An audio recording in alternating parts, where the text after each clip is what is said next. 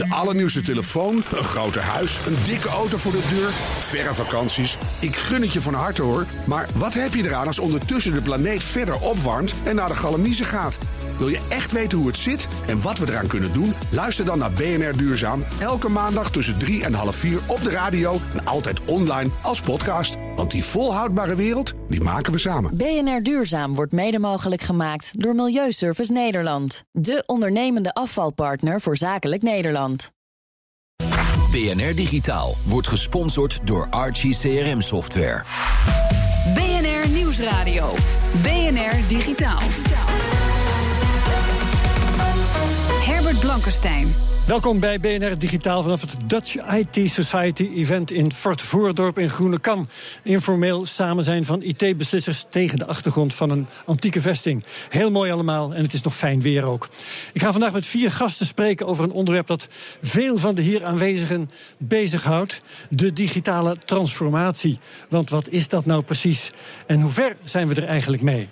Mijn gasten zijn Erik Overvoorde, CIO van advies- en ingenieursbureau Royal Haskoning DHV. Hartelijk welkom. Frank Buitendijk, analist bij onderzoek- en adviesbureau Gardner. Ook welkom. Marco van der Hoeven, hoofdredacteur van Executive People en IT en Business Netwerk met een eigen nieuwsvoorziening. Hallo. En tenslotte Danny Friedman, onder andere oprichter, oprichter van Executive People Roundtable voor CIO's en IT-beslissers. Ook welkom, allemaal heren. Voor jullie, zeker in het bedrijfsleven, is het wellicht gesneden koek. Maar voor onze luisteraars niet per se. Danny Friedman, ik ga jou als eerste vragen. Kun je even helpen? Wat is die digitale transformatie precies waar we het over hebben? Herbert, hele goedemiddag. Welkom ook in het prachtige Fort Voordorp. Het digitale transformatie, ik zeg altijd vaak, is de uberisering van onze maatschappij. Wat we heel duidelijk zien is dat uberisering, IT... zei je? Uberisering van onze maatschappij. okay. maatschappij. En wat we heel duidelijk zien, is dat, uh, dat IT eigenlijk in de, in de kloven zit van alles wat wij doen. Ja. Uh, en hoe vertaalt zich dit nou naar kansen en mogelijkheden, ook voor bedrijven, die we ook hier vandaag zien? Uh, en digitale transformatie is een term die we daar eigenlijk als, als sector in hebben geadopteerd. Mm -hmm. Op met name die transformatie van datgene wat aan de buitenkant door onze cliënten wordt aangedreven, wordt gedreven wordt. Hoe we dat aan de binnenkant vertalen naar businesskansen. Digitale transformatie. Waarom is die nodig? Het is onvermijdelijk. Omdat onze wereld om ons heen met klanten, uh, ook van, van Erik Overvoorde, maar ook van, van bedrijven die hier zijn, de banken, dat die veel eisender worden naar onze dienstverlening. Die verwachten dat wij veel sneller gaan acteren op kansen en mogelijkheden die de markt voldoet. En uh, ik denk dat digitale transformatie is inmiddels een begrip waardoor bedrijven. Uh, veel meer gaan kritisch kijken van hoe kunnen ze dat vertalen. Dus met andere woorden, dat is een kans die ze en moeten kun je, grijpen. kun je een indruk geven van hoe ver we ermee zijn met de digitale Als Nederland, als Europa, als de wereld. Nou, laten we het op Nederland Nou, houden. Dat is misschien ik, denk, wel uh, overzichtelijk. ik denk dat wij in Nederland uh, met een aantal dingen echt wel voorlopen. We hebben een ongelooflijke. Uh, bijvoorbeeld in Amsterdam. Ja, voor en achter, maar hoe ver zijn we ermee? Ja, ik denk, ik denk dat we. Maar goed, daar gaan, daar gaan de meningen over uit. Ja. Ik denk, denk dat we nog aan het begin staan van een hele scherpe leercurve. We zijn eigenlijk nog maar begonnen. Ja. Zoals ik het zie. Frank Buitendijk, de digitale transformatie. Is die ook een keer klaar? Of is dat iets wat nu begint en nooit meer ophoudt? Ik denk dat het, ook, uh, dat het nooit meer ophoudt. Uh, het, is een, het is echt een omslag uh, waarin we de eerste 50 jaar van de IT voornamelijk hebben besteed aan het creëren van systemen binnen bedrijven. Heel comfortabel, waarin je kon uitleggen aan de medewerkers hoe je dat moest gebruiken. En nu is die omslag echt gemaakt naar ieder product, iedere dienst die ieder bedrijf levert, waar wel een digitale component in zit. Kijk maar naar je eigen leven. Hoe vaak Ja. kijk je op, je op je smartphone? Hoe vaak ben je, be- ben je zelf bezig met Ja. digitaal? Het, is, het is echt anders. Ja, er zijn steeds weer nieuwe elementen volgens mij. Hè. Het begon met het web, mobiel, sociaal, big data, Internet of Things. Ehm, wat zijn de volgende elementen die ons te wachten staan? Heb je enig idee? Ik, ik denk dat je daarmee de, de, de complexiteit en de veelomvattendheid wel te, eh, te pakken hebt. Het is voornamelijk een oneindige hoeveelheid combinaties van die elementen. Een ja, maar er komen er toch steeds weer nieuwe bij. Denk je ook niet? Er komt van alles en nog wat bij. Het, En eh, heb jij een glazen bol waarin je al iets nieuws ziet verschijnen aan de horizon? Het, eh, de- de- 3D-printing heb je nog niet genoemd. Nee, die een enorme ja. verschuiving Ja, ja, ja, geeft. is er ook Maar een. eh, laten, we eerst maar eens, laten we eerst maar eens het maximale uit het internet der dingen halen. Dan zijn we al een heel eind. Ja, ik ga even kijken naar Erik Overvoorde. Ehm, Chief Information Officer bij Royal Haskoning DHV. Ehm, kun je zeggen over welke informatie jij nou de chief bent? Wat is, is, is, heeft dat grenzen? Uh, dat heeft in principe geen grenzen. Uh, wij uh, zijn natuurlijk vooral bezig met de interne informatiehuishouding. Maar we worden steeds vaker en meer geconfronteerd met de informatiehuishouding van ook de buitenwereld. Ik denk dat uh, de transformatie in het verleden. En met intern bedoel je, nou ja, uh, personeelsgegevens, intern, salarisgegevens. Personeelsgegevens, projectgegevens, uh, uiteraard administratie van projecten, ja. financieel. En wat dat is het externe deel? Het externe deel is dat we steeds meer te maken krijgen met klantdata. Bijvoorbeeld van water, hoe de waterstromen door Nederland lopen. We krijgen meer te maken met gebouwinformatie. Omdat wij ook proberen de werelden van bouwers aan elkaar te koppelen. Waarbij we dus niet alleen maar het gebouw tekenen. Maar ook uh, al samenwerken met andere partijen. Om uh, leidingen, elektriciteit, uh, toegangswegen allemaal aan elkaar te combineren. En dat in één model te krijgen. En die data die groeit exponentieel. En als je dan alleen weet dat we vooral zien wat er bovenop de aarde staat. Uh, en weten dat er nog een hele wereld is onderin, waar, waar we op moeten bouwen, is dat vooral ook heel veel informatie waar wij over beschikken en waar wij mee werken. Ja, en uh, die digitale transformatie die doet zich ook voor bij jullie, neem ik aan. Ja. Maar hoe ziet die er bij jullie uit? Wat verandert er bij jullie? Nou, ik denk dat wij vooral merken dat de digitale transformatie overslaat van de echte informatiehuishoudingen zoals banken en verzekeraars naar de fysieke wereld. Je gaf al aan uh, 3D-printing, Internet of Things. Ik denk dat wij bij uitstak een bedrijf zijn die die wereld aan elkaar koppelt. Waarbij we verkeersstromen aan tunnels, aan, aan bruggen koppelen om zeg maar zo uh, de hele stroom van verkeer bijvoorbeeld te verbeteren. Maar ook om uh, met meer voorbereiding, met meer visualisatie van gebouwen, uh, veel meer voorbereidend werk te doen om zo sneller en efficiënter te kunnen bouwen. Ja, dan kan ik me voorstellen dat jullie als ingenieursbureau dat, dat dat een informatierijk bedrijf is. Hè? Daar gebeurt van alles, je hebt het verteld. Stel nou dat ik een, een dakdekkersbedrijf heb, om je een dwarsstraat te noemen. Hoe zou de digitale transformatie er bij zo'n bedrijf uit moeten zien? Uh, ik denk dat de dakdekker steeds meer te maken krijgt met bedrijven om hem heen die hem vragen om in het digitale model mee te werken. En dan zou je zeggen, ja, wat doet een dakdekker nu in de digitale wereld? Ja. Maar vooral als dat groter wordt en als dat uitgebreider wordt, uh, dan uh, zal hij daar aan moeten meedoen. En daarnaast zal ook zijn markt uh, beconcurreerd worden door partijen die dak kunnen bedekken vanuit een, vanuit een zolderkamer bijvoorbeeld. En dat heel slim met allerlei partijen aan elkaar koppelen. Digitaal aanbieden aan, ja. aan klanten en dat soort zaken. Ja, ja dat is voor ons ook wel degelijk een, een, een punt van aandacht. Omdat we ook zien dat op de algemene markt soort marktplaatsen ontstaan. Waar ja, niet alleen maar dakdekkers elkaar van werk voorzien. Maar dat er ook best wel eens een partij of een tijd zou kunnen komen waarin bruggen op zo'n plaats worden verhandeld en bedacht. Ja, dus ook in, eigenlijk in alle sectoren loop je de kans als je niet meedoet aan die digitale transformatie dat je ja, de boot mist. Ja, klopt. Ja. Marco van der Hoeven, um, is zo'n digitale transformatie te organiseren of overkomt die je? Uh, dat is heel eenduidig. Het overkomt je. Als ik het voorbeeld uh, mag nemen van de uitgeverij. Uh, Executive People is een ja. platform. Dat noemen we een, een, platform omdat we nieuws brengen via internet, social media, apps en ook nog print. tien jaar geleden werkte ik voor IT-titels. Dat was een, een magazine dat één keer per week uitkwam. Dat stond vol met advertenties. sales belde ja. om de advertenties binnen te halen. En dat was het. Je, je ging dinsdag naar de drukker. Zaterdag lag het op de mat.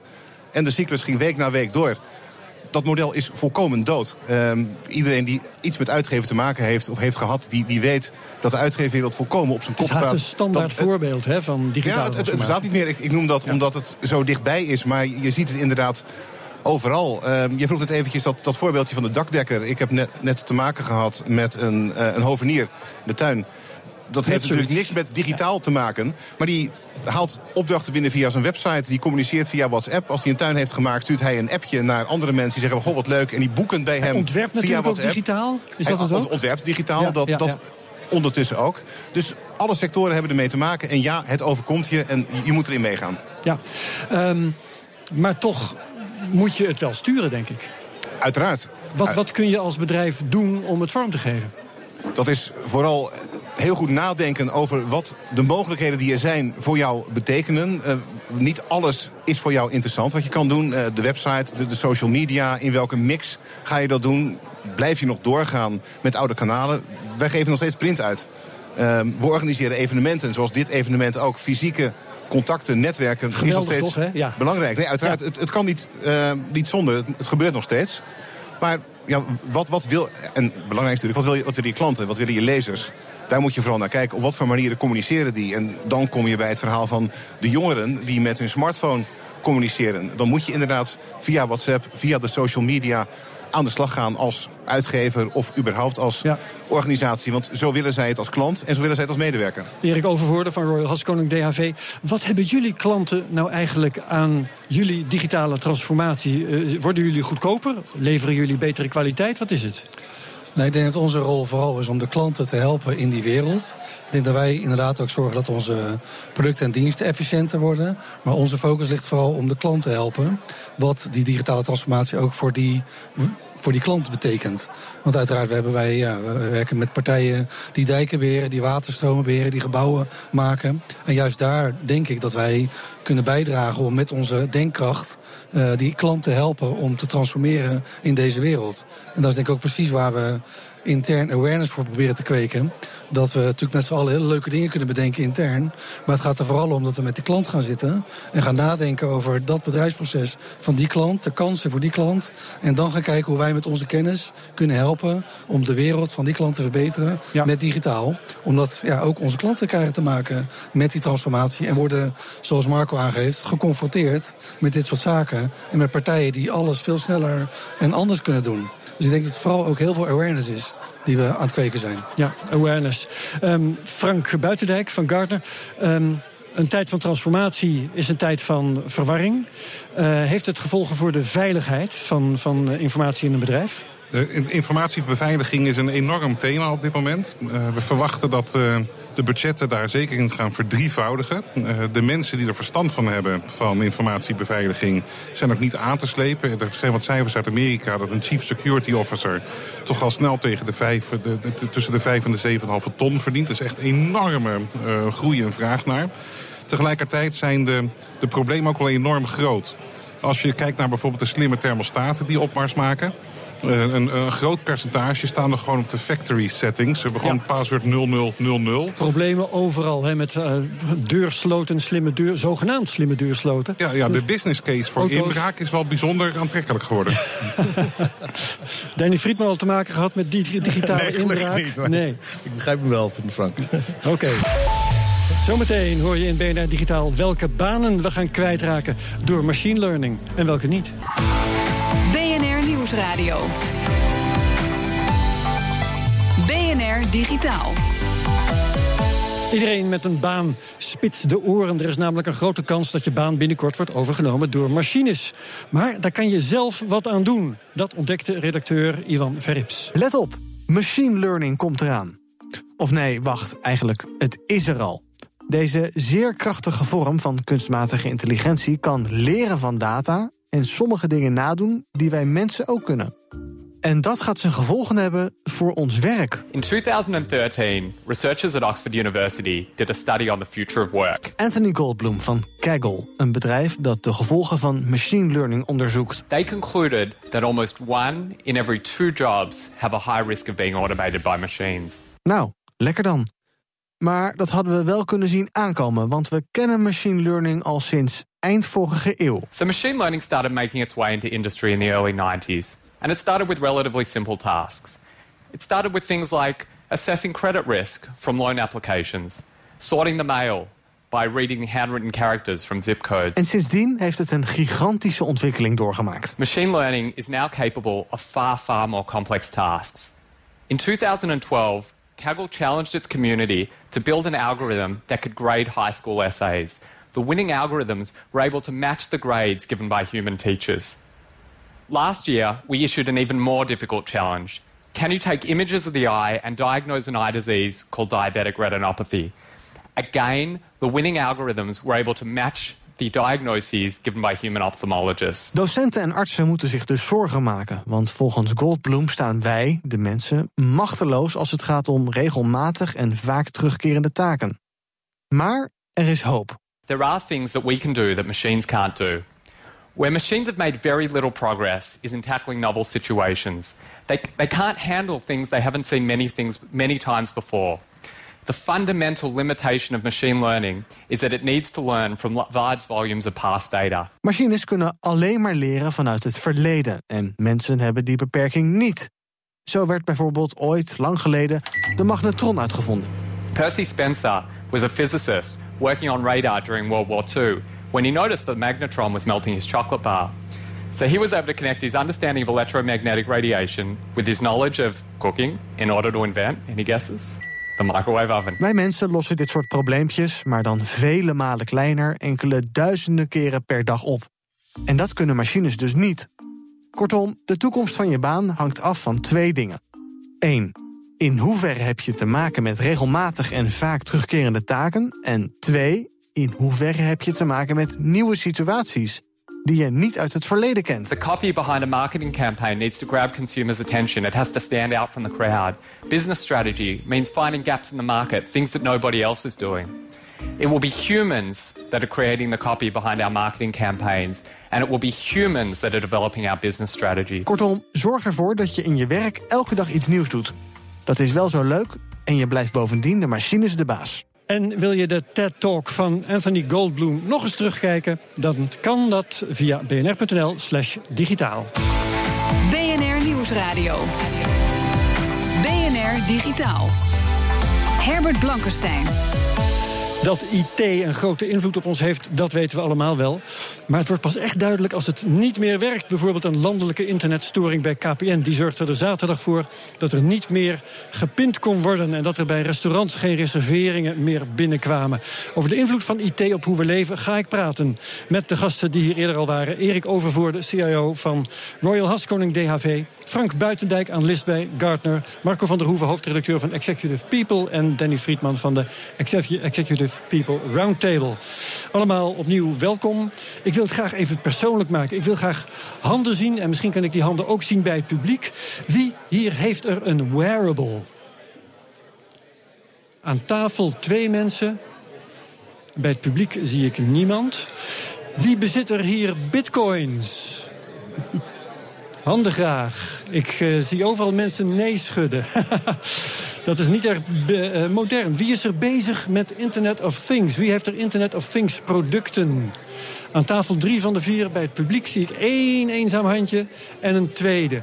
Ja, valt een beetje tegen. Um, ga ik eens even vragen. Uh, um, Frank Buitendijk, ik zag jouw hand. Hoe beïnvloedt bijvoorbeeld zo'n Internet of Things product? Wat heb je trouwens? Wat is het dat jij, waar jij mee experimenteert? Een, een slimme bel. Uh, mijn, mijn, thuiskantoortje is op zolder, dus ik hoor niet wie er aanbelt. En ook als ik niet thuis ben, kan ik zien wie er aanbelt. Ik kan ermee praten. Je zou zelfs, maar dat heb ik niet aangeschakeld, de deur van afstand open kunnen doen. En het pakketje uh, af, laten, uh, af laten leveren. Heel eenvoudig. Ja, en heeft dat een grote invloed op je leven? Of is het een kleinigheid? Het uh, naar beneden drie trappen lopen en naar boven zou beter zijn. Want dat tikt namelijk weer aan op mijn stappenteller op mijn pols. dus het een, gaat weer van het, het een gaat weer van het ander af. En die stappenteller om je pols, die heb je ook? Die heb ik ook. En waarom heb je die? Het, uh, het, maakt je enorm bewust van hoe, hoe weinig je eigenlijk beweegt. Uh, de, de, de norm is 10.000 stappen en als kantoormens haal je er op een normale dag maar 2500. 10.000 stappen is echt een ding. Dus ik maak er ook een sport van om uh, zoveel mogelijk te halen. En meestal gaat het tripje s'avonds dan nog steeds naar de ijssalon. Dus het is misschien niet helemaal effectief. Maar het, uh, ik merk echt dat ik ervan baal als ik mijn doel niet haal. Ja, ja, ja. Danny Friedman van uh, Executive People Roundtable. Wat is jouw Internet of Things product? Nou, eerst even Frank te reageren. Ik heb exact hetzelfde. Ik heb ook een uh, wearable. Ja. Ik heb ingesteld. De vervelend is mijn vrouw heeft hem ingesteld. Dus die doelstelling probeer ik een keer omlaag te krijgen. Maar dat is nog niet gelukt. Maar het motiveert onderduid, Frank. En uh, Her, uh, Harris, voor de, voor, de, voor de Internet of Things hebben wij op kantoor gebruiken wij beacons om in te checken op onze vergader, vergaderzalen.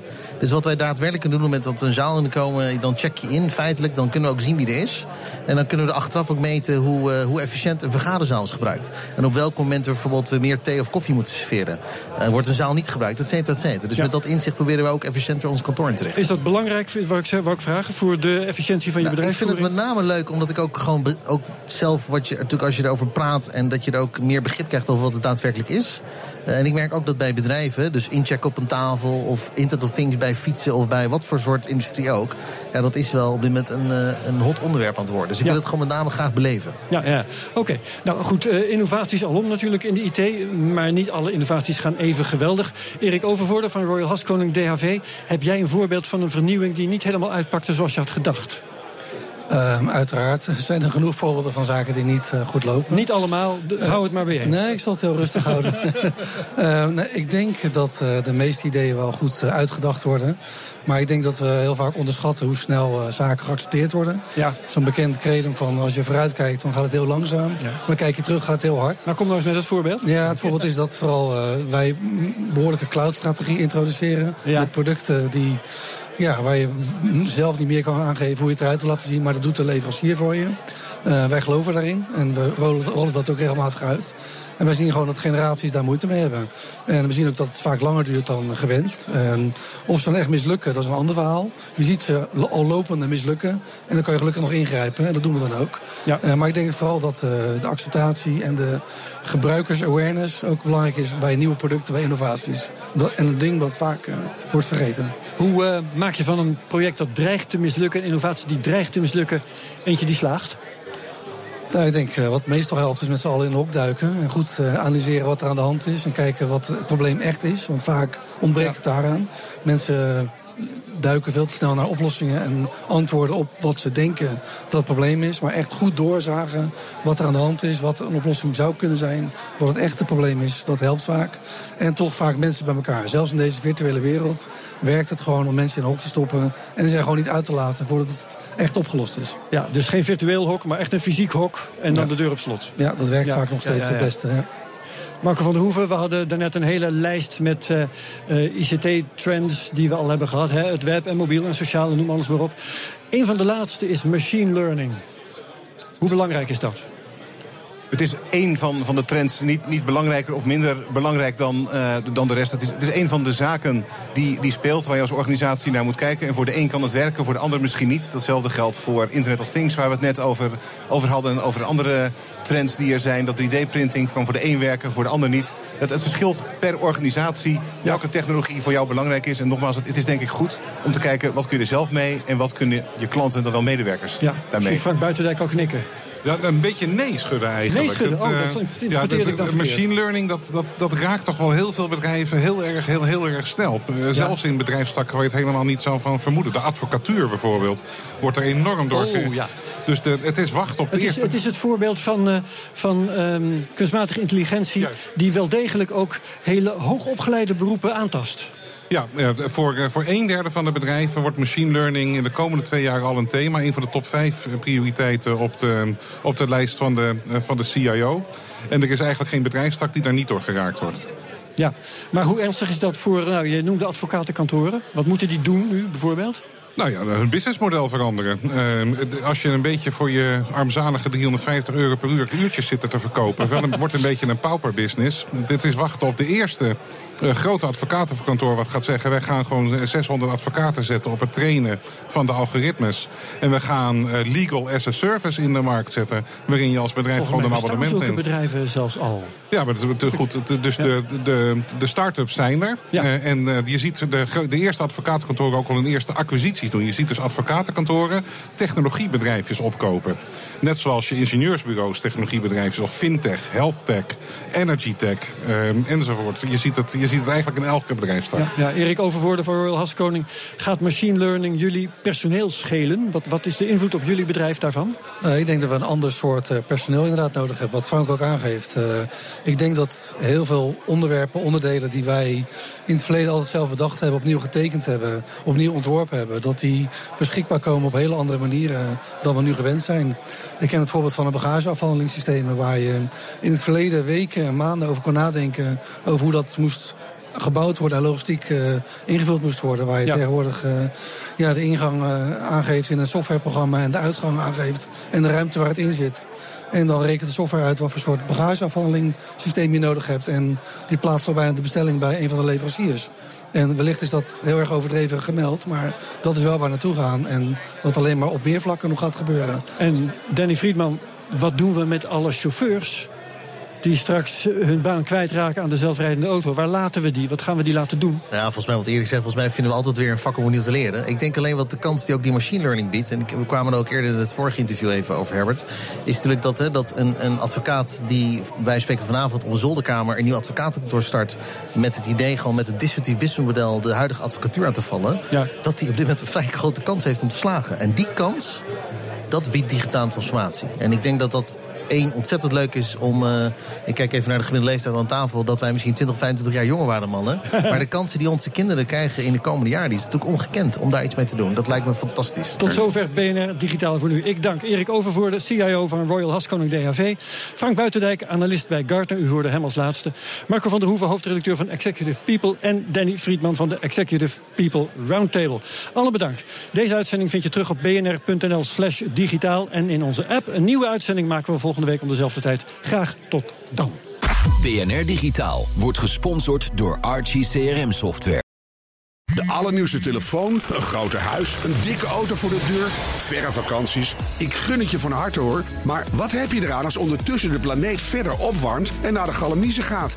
Wil je echt weten hoe het zit en wat we eraan kunnen doen? Luister dan naar BNR Duurzaam. Elke maandag tussen 3 en half 4 op de radio en altijd online als podcast. Want die volhoudbare wereld, die maken we samen. BNR Duurzaam wordt mede mogelijk gemaakt door Milieuservice Nederland. De ondernemende afvalpartner voor zakelijk Nederland.